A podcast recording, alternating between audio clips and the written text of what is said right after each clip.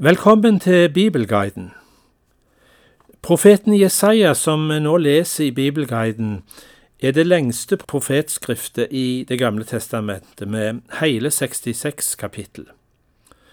Boka har to hoveddeler der profeten taler inn i to forskjellige perioder i Israels historie.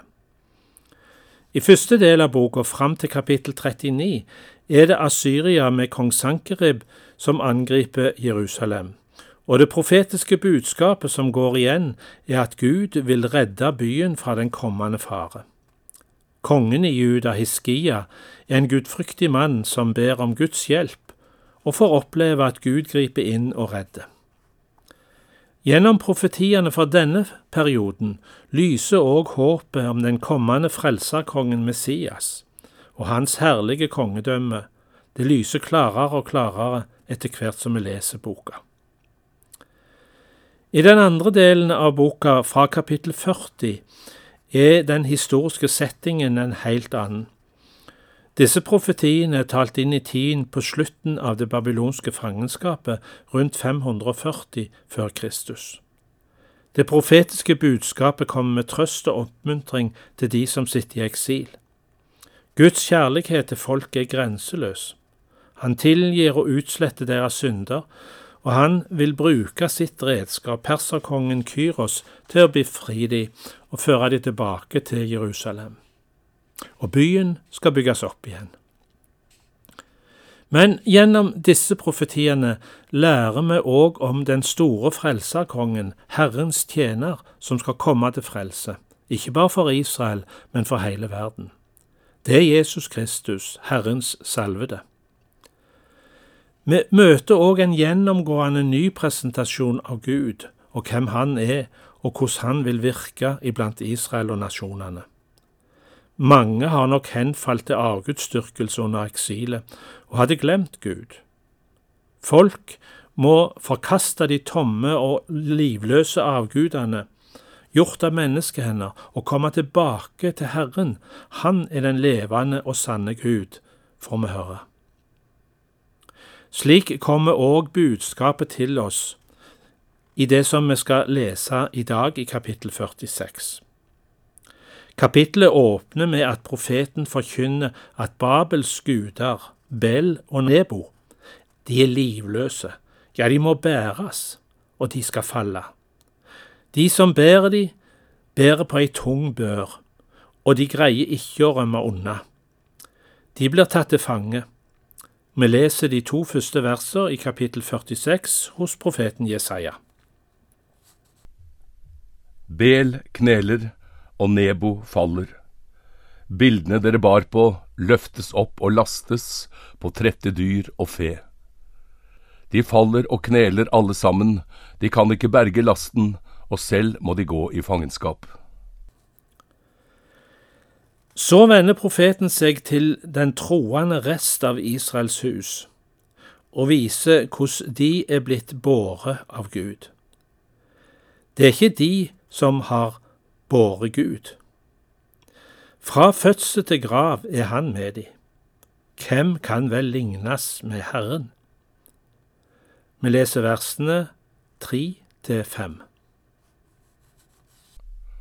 Hør på meg, du Jakobs hus alt som er igjen av Israels hus. Dere som ble løftet opp helt fra fødselen, som ble båret helt fra mors liv. Jeg er Han, helt til dere blir gamle. Jeg vil bære helt til håret er grått. Jeg har alt gjort det. Jeg løfter, jeg bærer og berger. Hvem vil dere sammenligne meg med? Hvem er jeg lik? Hvilken lignelse vil dere bruke for å sammenligne oss? For en motsetning Gud er i forhold til de livløse gudebildene.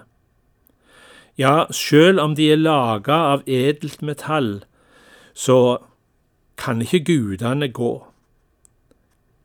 Avguden er livløs og rører seg ikke. Han er døv og stum.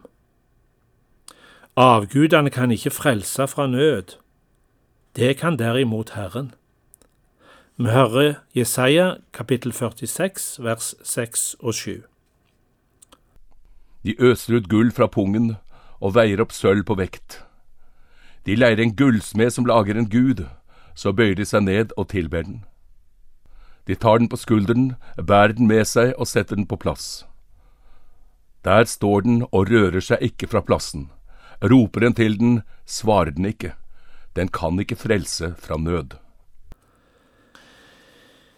I de foregående versene har Gud talt til den troende del av Israel. Nå vender han seg til synderne, de som dyrker fremmede guder, og han ber deg tenke over hvordan Gud har vært ifra gammel tid. Tenk på at Herren er Gud, og Han og ingen annen. Det bevises gjennom de profetiene som går i oppfyllelse, og at Guds plan står fast. Alt jeg vil, det gjør jeg. Husk på det. Det som han nå har forkynt til folket, det står òg fast, nemlig perserkongen Kyro skal komme som en rovfugl og fullbyrde Herrens plan. Vi leser versene åtte til ti. Husk dette med sorg.